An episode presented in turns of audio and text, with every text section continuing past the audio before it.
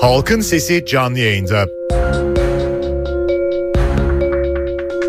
İnternet yasaklarını en çok delen ülkelerden biri Türkiye.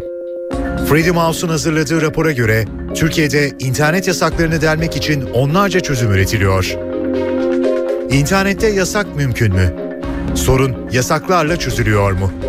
Bugün Halkın Sesi'nde bu sorulara yanıt aranıyor.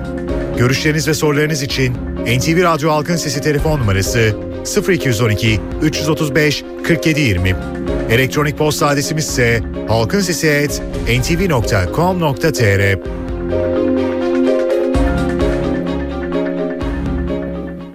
Halkın Sesi. NTV Radyo İstanbul stüdyolarındayız efendim. Halkın sesiyle bir kez daha sizlerle birlikteyiz diye gülüyorum diyeceksiniz. Biraz önce bir mail okudum ona gülüyorum hala.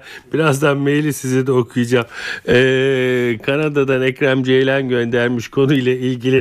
Neyse önce isterseniz neyi konuşacağız onu bir konuşalım. Ardından da Sayın Ceylan'ın mailini okuyup e, programa başlarız. İnternet yasaklarını konuşacağız efendim. İnternet yasaklarının en çok delinen ülkelerden biri Türkiye evet Türkiye'de ne zaman popüler bir internet sitesi yasaklansa kullanıcılara söz konusu yasağın nasıl delineceğini gösteren onlarca makale internette yayınlanıyor diyor. Kim diyor bunu? Biz demiyoruz. Freedom House diyor. Amerika Birleşik Devletleri merkezli düşünce kuruluşu söylüyor bunu. Ve rapora göre de iki buçuk yıl boyunca yasaklı olmasına rağmen video paylaşım sitesi YouTube'un bu süre boyunca ülkenin en çok ziyaret edilen 8. sitesi olduğunu ortaya koyuyor. Evet e, raporda ayrıca Türkiye'de internet ve cep telefonu kullanımının son dönemde hızla arttığı bununla birlikte internet üzerinde kayda değer bir siyasi sansür bulunduğu ifade ediliyor ve Yine bu raporda e, interneti en özgür kullanan ülkenin Estonya olduğu ve Çin, Küba ve İran'ın da en baskıcı ülkeler olduğu ortaya çıkartılıyor. Evet internette yasak mümkün mü? Ee, bu sorunlar yasakla çözülür mü? Bunu e, konuşuyorduk. Güldüğüm maile gelince isterseniz onu da okuyup sonra konumuza bağlanalım. Sayın Ekrem Ceylan Kanada'dan yazmış. Sayın Küçükay burada bir gurbetçimiz arabasına kurbanlık koyun almış eve götürüyormuş. Polis arka koltukta koyunu görünce durdurmuş. Fakat, fakat bizimkinde İngilizce yok tabi. Polis de ceza yazarken bizimki demiş ki çatpat İngilizceyle miyav miyav yes, how how yes, me me no, why. Sanki polis açıklasa anlayacakmış gibi bir de why demiş. Neden demiş. Demek istediğim bizim millete yasak sökmez. Hep bir yolunu buluruz demiş Sayın Ceylan. Bunu okuyunca gülmüştüm. Tam da o sırada yayına girdik. Evet. internet medyası dergisi sözcüsü Say- Sayın Doğan Akın'la birlikte. Sayın Akın iyi günler efendim. İyi günler. Efendim internetle ilgili e, hep konuşulur yasaklar öyle olun bir, bir olay ortaya çıktı mıydı? Hemen yasaklayalım orayı kapatalım burayı kapatalım diye. E, ama e, internette hep yolunu bulur hani su akar yolunu bulur gibi izleyiciler bir yolunu bulup da oraya girerler. İnternette gerçekten yasak mümkün müdür? Bunu sormak istiyorum aslında hani e, tersten bir cevap vereyim önce. E, mümkündür ve olmalıdır. Çünkü bazı şeyler var ki özellikle çocukların cinsel istismarı, hı hı.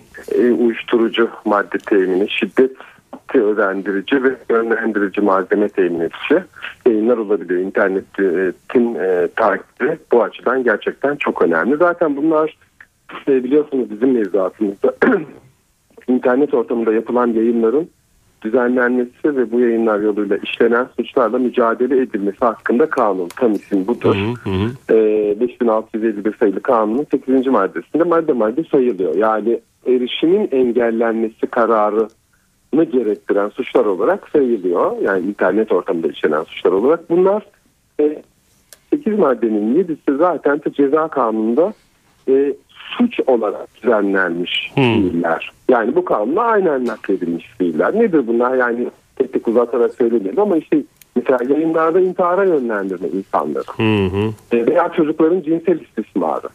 Uyuşturucu ve uyarıcı madde e, kullanılmasını kolaylaştırma amaçlı yayınlar. Hı E, sağlık için tehlikeli madde temini, e, müştericenlik, e, fuhuş içerikli yayınlar. Kumar oynanması için yer ve imkan sağlanması biliyorsunuz elektronik hı hı, ortamda, hı, internet hı. ortamında böyledir e, yaygın e, Evet. şey var, e, platform var. Ve nihayet Türk Ceza Kanunu'nda olmayan ama yasa görüşmeleri sırasında CHP'nin girişimiyle eklenen Atatürk aleyhine işlenen suçlar hakkında kanunda sayılan e, suçlar var. Şimdi bu e, listede baktığımızda genellikle internet yasaklarının iki noktada sorun çıkardığını görüyoruz. Bunlardan birisi müstehcenlik. Yani ne müstehcendir ne değildir meselesi bizim yargıta iştahatlarına da baktığımız zaman gerçekten e, açıkça ortaya konabilmiş e, bir şey değil e, kriterleri. İkincisi de Atatürk aleyhine suçlar ki bunların bazıları hatta YouTube'da da söz konusu oldu biliyorsun yasaklanmasında biliyorsunuz. E, ifade özgürlüğü kapsamına giriyor mu girmiyor mu meselesinde Türkiye'yi bütün dünyada internet özgürlüğü açısından gündeme getiren bazı aşırı yorumlar olabiliyor mahkemelerde. Ee, ve oldu da daha önce. Ee, dolayısıyla e, bundan kaynaklı genellikle e, ana sorunlar bu iki e, maddeden kaynaklı. Şimdi sizin söylediğinize gelince yani e, Türk Ceza Kanunu'ndan aktarılan ve aslında kontrolü ne hiç kimsenin itiraz etmeyeceği e, maddelerde bir sorun yok bence. Elbette çocukların cinsel e, istismarına karşı yayınların yapılması kontrol edilmelidir bir ülkede. Yani bunun aksi düşünülemez cinsel istismarına karşı özellikle. Elbette uyuşturucu ve şiddet eylemi için e, temin, malzeme temin edeceği bir şey olmalıdır. Fakat bu müstehcenlik ve ifade özgürlüğü bağlamına girebilecek e, konulardaki internet yasaklamaları Türkiye'yi daima e, tartışılır kılıyor ve aslında bunlar yüzde yüz de biliyorsunuz teknik olanaklar nedeniyle engellenemiyor. Hatta Sayın Başbakan'ın bir şeyi olmuştu. E, bu YouTube yasakları sı- sırasında e, canım bir şekilde herkes giriyor. Ben de giriyorum zaten. Girebiliyorum gerekirse. İşte malum teknik boyutta DNS ayarları falan denilen ayarları değiştirerek e, erişimler mümkün olabiliyordu. E, ben e, e, şunu söyleyebilirim toparlamak üzere. E, bence ifade özgürlüğü ve hukuki anlamda kriterleri net olmayan müstehcenliğin e, üzerindeki e, denetimler e, Türkiye'deki internet ortamı hakkında, internet yayınlarının denetimi hakkında e, sorunlu. Onun dışında Türk Ceza Kanunu'nda zaten suç olarak yapılması tanımlanan ve bunların da yayın yoluyla teşvik edilmesini sağlayan yayınlarda bir tartışma olduğunu sanmıyorum. Özellikle bu iki noktaya odaklanılmasında yarar görüyorum.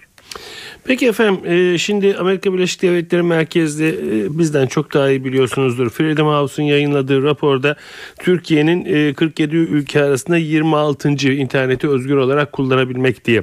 E, peki burada mesela e, Estonya en e, rahat kullanan ülke olarak alınmış. Örneğin Estonya'da bu bizde yasak olanlar serbest mi? Şimdi doğrusunu isterseniz e, bence internette özgürlük açısından e, Tam da bunu Ee, sormak istiyorum. Yani internette özgürlük internette özgürlük dediğimizde ne anlıyoruz? İşte e, tam da buna değinecektim. Hı hı. İnternette özgürlük dediğimizde bence e, o iki nokta dışında, o iki madde dışında e, sayılan şeylerin e, bence internette e, özgürlükle ilgili bir boyutu olduğunu düşünmüyoruz. Çünkü internette özgürlük aslında genel olarak medyada özgürlük e, mutlaka sorumluluğu gerektiren bir özgürlük olmalıdır.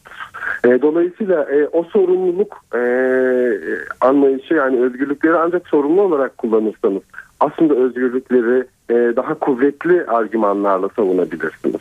E, dolayısıyla özellikle internet gibi kontrolün e, gerçekten daha zor olduğu alanlarda e, işte çocukların cinsel istismarı, şiddet, uyuşturucu madde temini falan gibi alanlarda e, elbette kontrol olmalı. Çünkü e, biz e, suç işleme özgürlüğü adına, çocukları istismar etme adına bir özgürlüğü savunursak aslında özgürlüğü savunmuş olmuyoruz.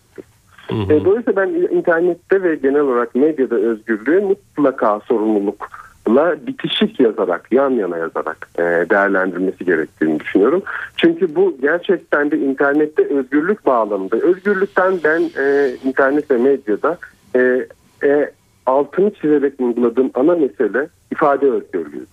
Yani çok ağır eleştirilerin bile asla ve asla herhangi bir şekilde kamu otoritesi tarafından denetimine tabi olmaması ve erişimin engellenmesi gibi boyutlara varmamasıdır. Şimdi bizle ilgili şöyle bir problem de var onu da söyleyeyim. Zannederim Türkiye'nin önemli problemlerinden birisi bu. Herhangi bir şekilde bir yayın sorunlu görüldüğü zaman o bütün platformun yayınının durdurulması gerçekten hem hakkaniyetle ölçmüyor hem de Türkiye ifade özgürlüğü açısından çok ciddi sorunlara e, çok tartışmalı noktalara taşıyor. Hı hı hı. E, o yayının durdurulması mümkünken zannederim Türkiye'de bilişim mahkemeleri kurulmasına ihtiyaç duyulan nokta da bu.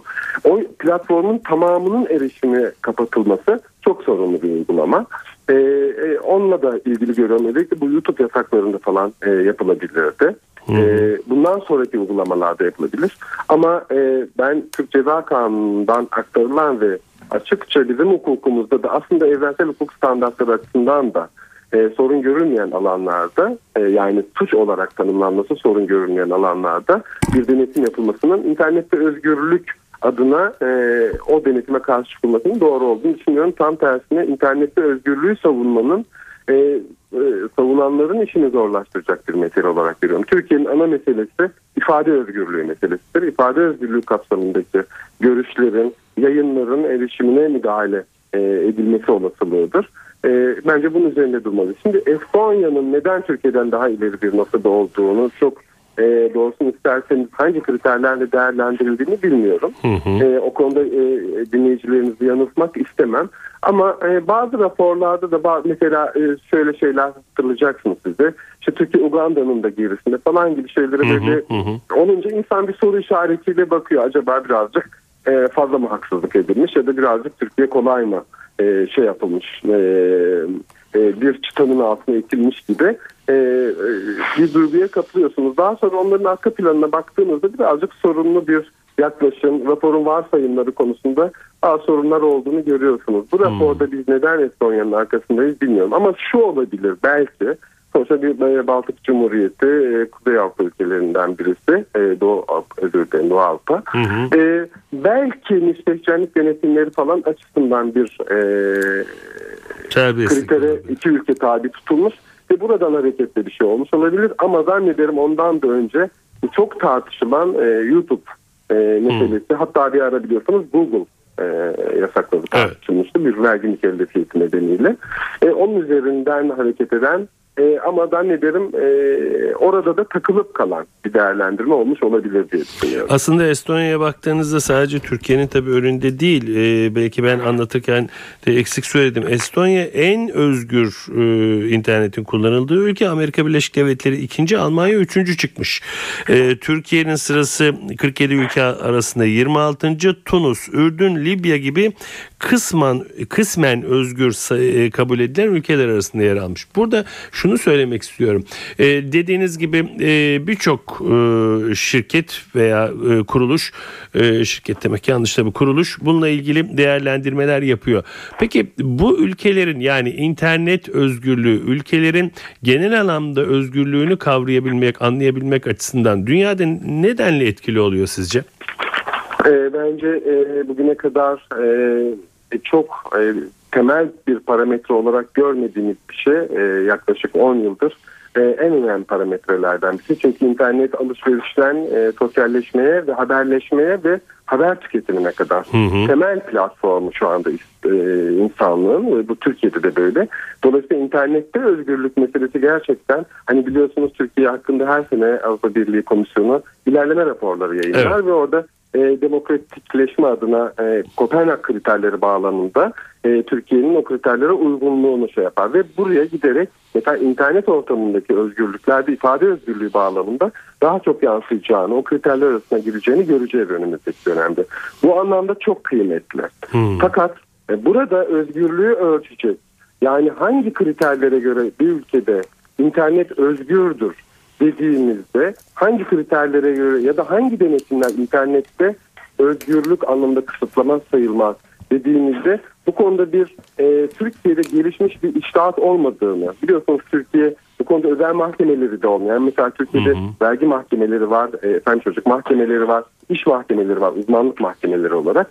Ama e, bilişim suçlarına bakan e, mahkemeler yok. Dolayısıyla aşırı yorumlar oluyor ve ifade özgürlüğü açısından Türkiye son derece haklı eleştirilere e, muhatap oluyor. Son derece haklı e, eleştirileri cevaplamak durumunda kalıyor.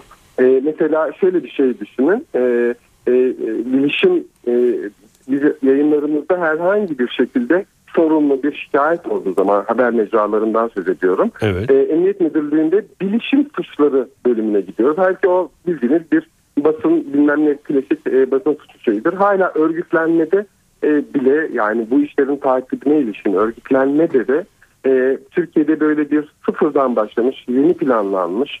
E, ve Türkiye'yi aslında internetin denetim açısından e, özgürlüğün kısıtlandığı ülke e, pozisyonunda, statüsünde olmaktan esirgeyecek düşünülmüş bir şey ele alınmadığını, bir yapı düşünülmediğini görüyorsunuz. Ama temel mesele e, ifade özgürlüğüdür. Sorunuz bağlamında da şunu söyleyeyim. Hı hı, Türkiye'de hı. ifade özgürlüğünün derecelendirilmesi e, işte hem bu Freedom House falan gibi gönüllü kuruluşlar hem Avrupa Birliği için her sene Türkiye'yi bu konuda bir şekilde ilerleme raporlarında Kopenhag kriterleri çerçevesinde denetliyor. Türkiye'nin tarafı olduğu ve müzakere yürüttüğü uluslararası, uluslararası kuruluşlar hem Birleşmiş Milletler gibi e, insan hakları denetimi raporları yayınlayan kuruluşlar hem de Amerika Birleşik Devletleri'nin Dışişleri Bakanlığı biliyorsunuz her sene özgürlükler raporu yayınlar. Bu tür e, kuruluşlar, kurumlar, ülkeler açısından yapılacak değerlendirmelerde Türkiye'de ifade özgürlüğü mutlaka internetin hangi boyutlarda denetlendiği ve engellendiği kriteriyle de yapılacaktır. Bu e, çok açık. Anlıyorum efendim. Peki Sayın Akın çok teşekkür ediyorum efendim bizimle birlikte olduğunuz vakit ayırdığınız için sağ olun. Ben de teşekkür ederim. Sağ olun efendim. İnternet Medyası Derneği Sözcüsü Sayın Doğan Akın'la birlikteydik. Evet interneti konuşuyoruz. İnternetteki özgürlüğü konuşuyoruz. İnternette neler yasaklanmalı? Ee, internette daha doğrusu yasak olmalı mı? İnternette eğer bir yasaklama olacaksa veya bunu kısıtlama diyelim. Hadi yasakla, yasak olarak değerlendirmeyelim. Olmalı mı böyle bir kısıtlama? Olmalıysa nerede olmalı? Artık mikrofonlarımızı size çevireceğiz. Bu konuda sizin fikirleriniz fikirlerinizi soracağız. Telefonlarınızı bekliyoruz. Telefon numaralarımızı hatırlatalım. Ben de bir Facebook'a bakayım. Görüşleriniz ve sorularınız için NTV Radyo Halkın Sesi telefon numarası 0212 335 4720. Elektronik posta adresimiz ise halkinsesi@ntv.com.tr. Halkın Sesi. NTV Radyo İstanbul stüdyolarındayız efendim. Halkın sesine devam ediyoruz. İnternet yasaklarını en çok delen ülkelerden biri Türkiye. Tabi bunun sebebini de aslında e, sorgulamak lazım. Niye Türkiye internet yasaklarını en çok delen ülkelerden biri oluyor? E, bu işi çok iyi mi yapıyoruz yoksa e, internet de fazla mı yasağımız var? Bugün interneti konuşuyoruz. İnternetteki yasakları ve kısıtlamaları konuşuyoruz. İnternette kısıtlama ve yasaklama mümkün müdür? Kısıtlama ve yasaklama yapılmalı mıdır? Ve sözü dinleyici görüşlerine bırakıyoruz. Alo. Alo. Buyurun efendim. Sedat Bey merhaba. Burak Arıkan İstanbul. Buyurun Burak Bey. Bu e, vakti zamanında e, YouTube yasakları olduğunda da bir kere daha programınıza bağlanmıştım. O zaman şey demiştim. E, bizim devletimiz baba, bizler de onun çocuklarıyız. Ve sürekli olarak işte çeşitli şeylerden devletin bizi koruması gerekiyor ve çok üzülmüştüm. Yani o zaman üzüldüğümü dile getirip e, Çin'in bile arkasındayız demiştim. Bugün de aynı şekilde düşünüyorum. E, ben 43 yaşında yetişkin bir insanım. Türkiye'den herhangi bir şekilde istediğim e, mesela cinsel içerikli bir web sayfasına girme hakkına sahip değilim. Ve bunun kararını kendimin veremeyeceğini düşünen bir devlet var. Tabii ki çocuk istismarı, tabii ki suça teşvik gibi şeyler e, sayın katılımcının söylediği gibi tabii ki bunlar yasaklanacaklar. Tabii ki bunlar kontrol edecekler. Ama yetişkin insanların haber alma, haber yayma, istedikleri mecralara ulaşma haklarının devlet tarafından kontrol edilmemesi gerektiğini, bizlerin çocuk olmadığını dile getirmek istiyorum. Çok teşekkürler. Teşekkür ederim Burak Bey sağ olun. Bir internette de e, Ali Kayıkçı'nın bir mesajı var onu paylaşalım. Ee, internetin ne amaç ile sınırlandırılmak istendiğine bağlı olarak internet yasakları mümkün olabilir. İnsanı insan yapan değerlerden uzaklaştırıcı bilgi ve fikirlerin e, yasaklanması etik olur demiş. Fikir ve yaşam hürriyetinin düzeyli seviyede tutulduğu halde yasaklanması da ayıp olur. İnsanlıkta elbet fikir özgürlüğü yapısından dolayı bu yasağı çiğner. Yani her şeyi yasaklamak hem mümkün değildir hem de ısrarı ters hareketlere sebep olur ve devlet bu aşamada kontrolü kolayca kaybedebilir demiş Ali Kayıkçı Facebook'tan bize ulaşmış. Devam ediyoruz dinleyici görüşleriyle. Alo. Alo. Buyurun efendim. Ee, kolay gelsin efendim. Sağ olun efendim. Buyurun kiminle görüşüyoruz? Ben Bülent Sedat Bey İstanbul'dan arıyorum. Buyurun efendim. Ee, az önce bir beyefendi ben 43 yaşındayım dedi ve her şeye girme hakkım vardır dedi. Hı hı. Şimdi bir cadde düşünün Vatan Caddesi'ndesiniz. E, seks shopların olduğunu düşünün sağlı sollu. Ama ailenizle birlikte yürüyeceğinizi düşünün. Ben yetişkinim doğru ben bakabilirim. Yani kötü neyin e, iyi olduğunu karar verebilirim. Ama yanımdaki 9 yaşındaki çocuğum nasıl bir karar verecek orada? Yani internet bunun gibi bir şeydir. Beyefendi diyor ki ben e, özgürüm ve e, her şeyi paylaşabilmeliyim. Her şeyi e, görebilmeliyim. Ben karar verebilirim. Ben yetişkinim. Zaten sorun çocuklarda, gençlerde aklı çelinebilecek e, insanlardan kaynaklanıyor. Çünkü herkes aynı kablodan internete çıkıyor. Sorun burada. Hı hı. Yani ben çok e, sansür yani 8 katalog suçumuz var biliyorsunuz 51 yasasında. E, bu 8 katalog suçta her, herkes hem fikir hem de herkes diyor ki hayır yok bunlar yasaklanmasın. Ben Atatürk'e işlenen suçu göreyim. Ben müstehcenliği göreyim. Pornoyu da göreyim. Şunu da göreyim. Bunu da göreyim. İyi de e, evladınız veya da çocuğunuz, genciniz 15 yaşındaki genç öbür odada sizinle birlikte aynı interneti kullanıyor ve serbest olarak dolaşıyor. Buna o, o babaya sormak isterim ben. O babanın sizin gördüklerinizi, o çocuğun sizin gördüklerinizi görmesini ister misin? Peki efendim. Teşekkür ediyorum Bülent Bey. Devam ediyoruz efendim. Ee, Amerika Birleşik Devletleri Düşün Merkezi Düşünce Kuruluşu Freedom House'un tarafından hazırlanan bir raporda Türkiye'de internet kullanıcıları resmi kurumlar tarafından getirilen yasakları çok ciddi bir şekilde deliyor. Bu işi çok iyi beceriyor. Şöyle deniliyor Türkiye'de ne zaman popüler bir internet sitesi yasaklansa kullanıcılara söz konusu yasağın nasıl delineceğini gösteren onlarca makale internette yayınlanıyor. Yani internette ciddi bir şekilde yardımlaşmada söz konusu ve Freedom House'un e, yayınladığı rapora göre de en özgür ülke internet kullanım bakımından Estonya, Çin, Küba, İran'da en baskıcı olanlar. Sabah gazetesi teknoloji editörü Sayın Timur Sırt'la birlikte. Sayın Sırt iyi günler efendim. İyi günler. Çok teşekkür ediyorum öncelikle bize konuk olduğunuz vakit ayırdığınız için sağ olun.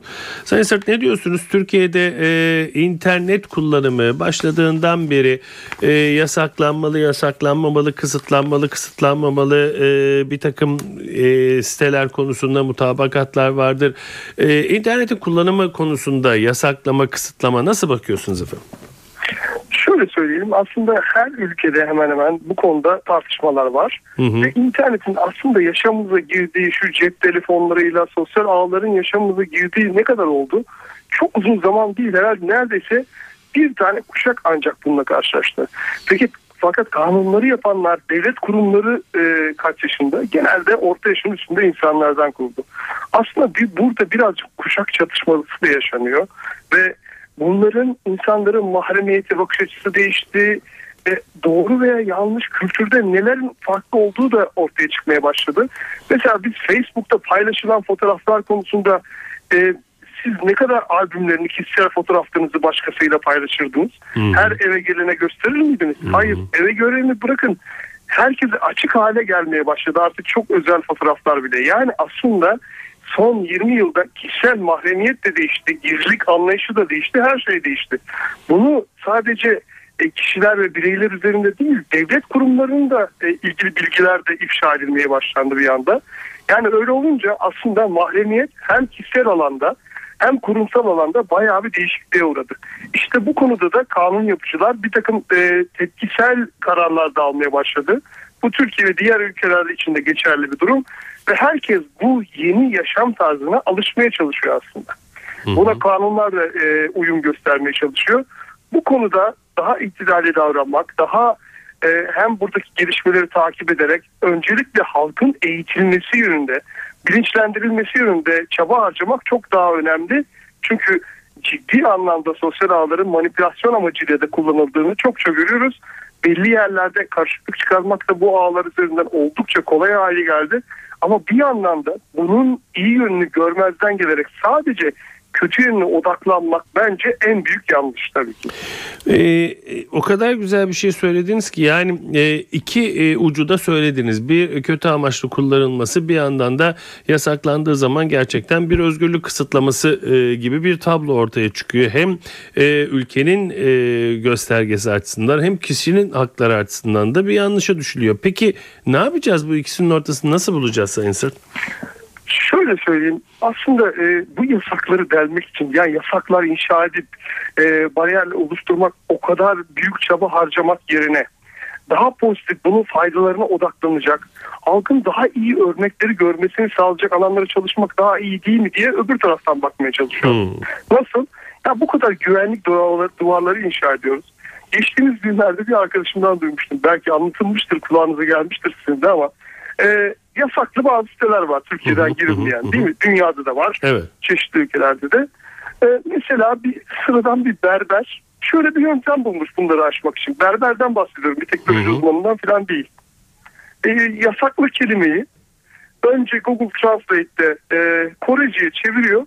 Sonra o kelimeyi Google Turbo, e, Google'un ekran, ekranda yazarak e, bu o dilde aratıp o yasaklı siteye erişmiş oluyor. Farklı dilde de olsa. Yani Türkiye'den e, yasak ama Kore'den yasak değil dilde, diyorsunuz. e, bu filtreleri kullanıyorlar. E, Korece bu desteklenmediği için de rahatlıkla istediği sitelere girmiş oluyor bu kişi. Şimdi biz yöntem öğretmeye çalışmıyoruz tabii insanlara ama hani bu kadar da basit aslında hiç böyle teknolojik şeyler düşünmeye de gerek yok. İşte bu nedenlerle aslında yasaklı. Mesela bir örnek daha vereyim size. YouTube Türkiye'de yasaktı değil mi? Evet. İki yıl, yak- iki buçuk yıl yaklaşık. Ama yine de en çok girilen sitelerden biriydi. Evet. Türkiye'de ilk beşten hiç Yasak olduğu süre içinde Türkiye'de en çok ziyaret edilen 8. site olmuş. İşte. Yani bu rakamlara da bakarsak herhalde aslında yasaklamak üzerine bu kadar tepkisel yaklaşmak yerine e, bunu nasıl kullandığını, yerli e, içerik üretimi konusunda nasıl desteklenmesi gerektiği konusuna daha çok çaba harcamak, birazcık işin pozitif, internetten pozitif neler elde edebilirim ona bakmak, e, ayrıca da sıradan halkın eğitimde, e, okullarda, farklı alanlarda görsel iletişim, televizyonu, radyoyu kullanarak e, nelerin kullanabileceğini farklı uyarılarda göstererek insanların hemen her olayda Twitter'da gördükleri her cümlenin etkilemek, tepki göstermek yerine bunu sorgulamak gerektiğini bir kültürün içerisine yerleştirmek lazım.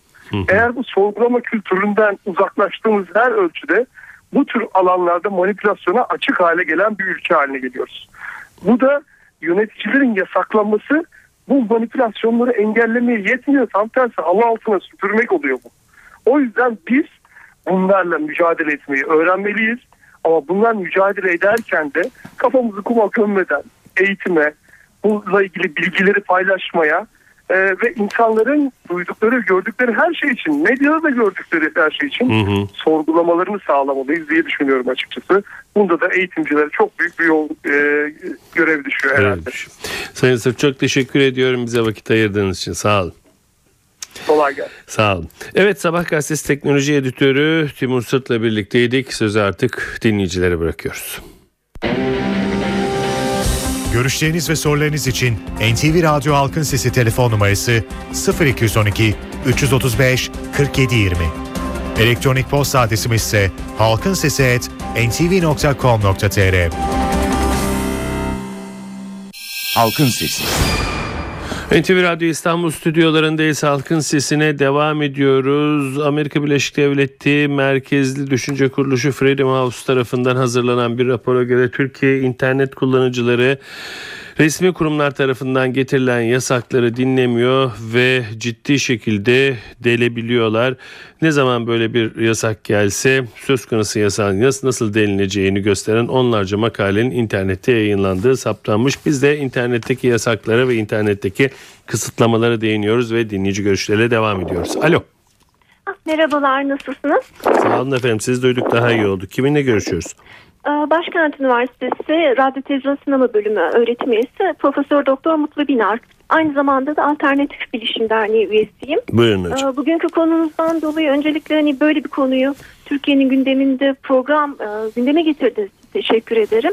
Şimdi önümde Freedom House'un raporu açık ve aslında internet özgürlüğünü tartışırken belki hani inceleme kriterlerini e, tartışmamak tartışmak yerinde olurdu diye Çok düşünüyorum. iyi fikir. Şimdi burada erişime yönelik engeller puanlanıyor ve Türkiye burada özgür değil. Yani yarım özgür. Partly free denen kısmi özgür diye çevireyim Türkçesine ve hani özgürlük derecesi geçen seneyle aynı. Yani hani düşük bir derece. 12 bu negatif gittikçe puan yükseldikçe artıyor.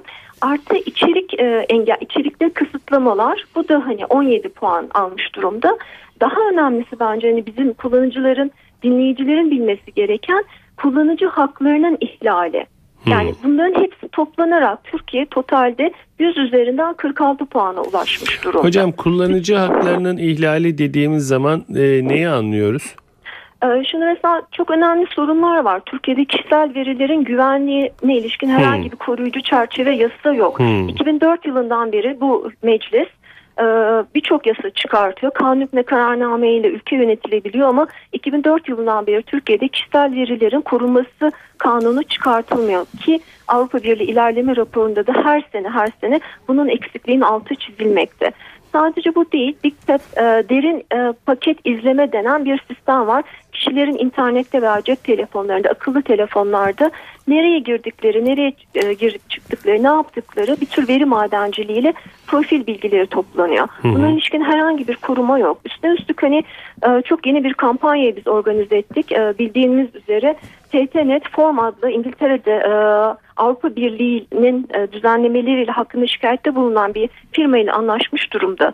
Bu firma ne yapıyor? Derin paket analizi yapıyor ve tür TTNet kullanıcılar, kullanıcılarının gezinti neti gezinti komu kullanıyorlarsa her türlü kullanım e, ha- kullanımlarını kullanıcının haberi olmadan kişisel mahremiyetini ihlal ederek topluyor. İşte Oo. burada Türkiye'de en önemli hani diğer bir sorun e, kullanıcının haklarının görülmemesi. Gerek bu devlet tarafından da yapılıyor gerekse e, tecimsel şirketler tarafından da yapılıyor. Hmm.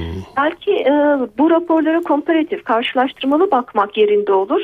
E, dernek olarak bugün bir rapor yayınladık. 2012 yılında Türkiye'de internette neler oldu? İlerleme raporu adını taşıyor. Bu rapora Ve- nasıl ulaşabiliriz hocam? e, e-posta mı ben vereyim? E, binark.başkent.edu.tr Siz reply mail atarsınız. Ben de size reply olarak e, yanıt Peki. veririm ve raporu iletirim. Peki. Raporumuz dernek wikisinde de adresinde de yayına girecek. E, dernek adresimiz www.alternatifbilişim.org Ben e, internet özgürlüğü tartışırken raporda biz 7 saç ayağı oluşturduk. Birincisi sosyal medya ortamlarında ama denetleme yönelik düzenlemeler var. İşte Freedom House'un raporu bunları örneklendiriyor. Biz de buna vurgu yaptık. Artık Peki. internete girişle ilgili sıkıntılar var. Bu hani sadece e, yasaklamalar veya TCK'daki sınırlamalar, e, katalog suçlar değil. Hı hı, Bizim görmediğimiz, bilmediğimiz e, düzenlemeler de söz konusu. Özellikle hani derin paket e, incelemesi. Bunun dışında dediğim gibi kişisel iletişim mahremiyeti ihlal ediliyor. Burada koruyucu bir yasa çerçeve yok. Yurttaşlar son derece e, farkında değil bu durumun. Dijital gözetim dediğimiz olgu sadece istihbarat amaçlı yapılmıyor. Ticari şirketler de hani bugün internet hı, kullanan, hı hı. interneti kullanan bütün yurttaşlardan veri madenciliği yapıyor. Yani biz bir takım Anladım. deneylerin e, gönülsüz, farkında olmayan deneyleri Denekleri olur. Hocam e, izin verirseniz burada keselim ama bu konuda e, en azından e, sizle birlikte olmaktan çok mutlu olduk. En azından bu konuyu sizinle daha derinlemesine başka bir programda konuşalım. Çok teşekkür ediyorum bağlandığınız için. Alo. Alo. Buyurun efendim. Ee, kolay gelsin Sedat Bey. Sağ olun buyurun. İstanbul'dan Hakkı Koç ben. Buyurun Hakkı Bey. Ee, şimdi ben bu sigarada biliyorsunuz e, tüketilen bir malzeme. E, çocukların da ve her isteyenin ulaşa, ulaşılabileceği bir kolaylıkta bir e, şey. Hı hı. E, bunun üzerinde çeşitli resimler koyuluyor e, şey tarafından, e, bakanlık tarafından. Caydırıcılığı olsun, e, işte insanlar bilinçlensin diye. İnternete de bu şekilde bu sayfaların yani bu girilen e, yasaklı sitelerin e, bir spot hazırlanarak daha böyle detaylı işte çocuk istismarını böyle e, şey yapacak. İşte ahlaki etik neyse bizim bunu girmemizi girmememizi gerektiren ne varsa bunu Uyarı önce bir yapılması. spotla e, şey yapıp buna rağmen girmek istiyor musunuz diye bir soru sorulup ondan sonra insan, insanlar isterse Evet. evet, insa- isterse hayırı tıklayarak kendi seçimini yapması gerekir diye düşünüyorum. Peki efendim teşekkür ederim. Kolay gelsin. Sağ olun iyi günler. Alo. Merhabalar efendim. Merhaba buyurun. İsmim Servet Ayan. Ee, konuyu öncelikle gündeme getirdiğiniz için size çok teşekkür ediyorum. Ee, bir iki atlanan noktayı ben dile getirmek istiyorum izninizle. Lütfen. Ee, şimdi şöyle bir şey var. Ülkemizde güvenli internet denen bir şey var. İnternetin güvensiz olduğu öne sürülüp varsayılıp e, ardından güvenli internet denen hani kendi yarattıkları bir internet camiası içinde bizi e, surf yapmamızı sağlıyorlar. E, bu noktada e, şuna ben dikkatimizi çekmek istiyorum herkesin. E, biz şu anda mesela 40 yaşın üstündeki insanlar olarak e, çocukların görmemesi gereken e, materyalleri görmemeye e, konuşlandırılıyoruz. Hı hı. Yani mesela güvenli internet dediğimiz zaman işte eski cinsel e, içerikli e, suç oluşturabilecek çocukların yasaklanması gereken, çocuklara yasaklanması gereken e, şeyleri. Yani biz şu anda aslında sinemaya gidip çocuk filmi seyrediyormuş e, gibi bir konumdayız. Bunu ben öncelikle e, vurgulamak istiyorum. İkincisi yine herkesin atladığı bir nokta var. Mesela Estonya bugün e, niçin internette e, internet yasakları konusunda e, en temiz ya da en birinci ülke çıkıyor? Biraz buna bakarken e, şunu atlamamamız lazım. E, mesela Estonya'da siz e, bir kişinize size ait bir elektronik imzalı bir sisteme giriyorsunuz diyelim. Bu sisteme girince e, eğer polis sizin hakkınızda arama soruşturma yapmışsa e, siz bunun kayıtlarını e, size ait sistemden görebiliyorsunuz. Anladım. Ve bunun karşılığında siz polislere e, şunu sorabiliyorsunuz. Ben niçin araştırılmışım? Ve polis buna e, bir hafta içinde cevap vermek zorunda. Şunun için araştırılmışsınız sebebi budur diye cevap Hmm. vermek zorunda. Eğer polis buna cevap vermezse e, zan altında kalıyor ve işte ceza alıyor kendi hükmünde. Anladım efendim. Şimdi Peki çok böyle teşekkür ederim. baktığımızda biz bayağı geride kalıyoruz. E, bu gerideliği e, ne olursunuz e, sadece e, şeyler çıktığında böylesi yasaklama durumları çıktığında değil hani böyle güzellikler nasıl varırız biz o noktaya dediğimizde de e, programınıza taşırsanız çok mutlu edersiniz Peki efendim olarak. çok teşekkür ederim. Evet bugün internetteki yasakları ve kısıtlamaları konuştuk. Sabah gazetesi teknoloji editörü Sayın Timur Sırt ve İnternet Medyası Derneği Sözcüsü Sayın Doğan Akın konuklarımızda her zaman olduğu gibi sizin de bu konuda neler düşündüğünüzü öğrenebilme şansına eriştik. Evet Doğan'ın dengesi yerinde oldukça ırmaklar yolunda aktıkça Pazartesi günü Halkın Sesi'nde yine sizinle birlikte olmayı diliyoruz. Yapımda ve yayında emeği geçen tüm NTV Radyo ekibi adına ben Sedat Küçükay. Saygılar sunarım efendim.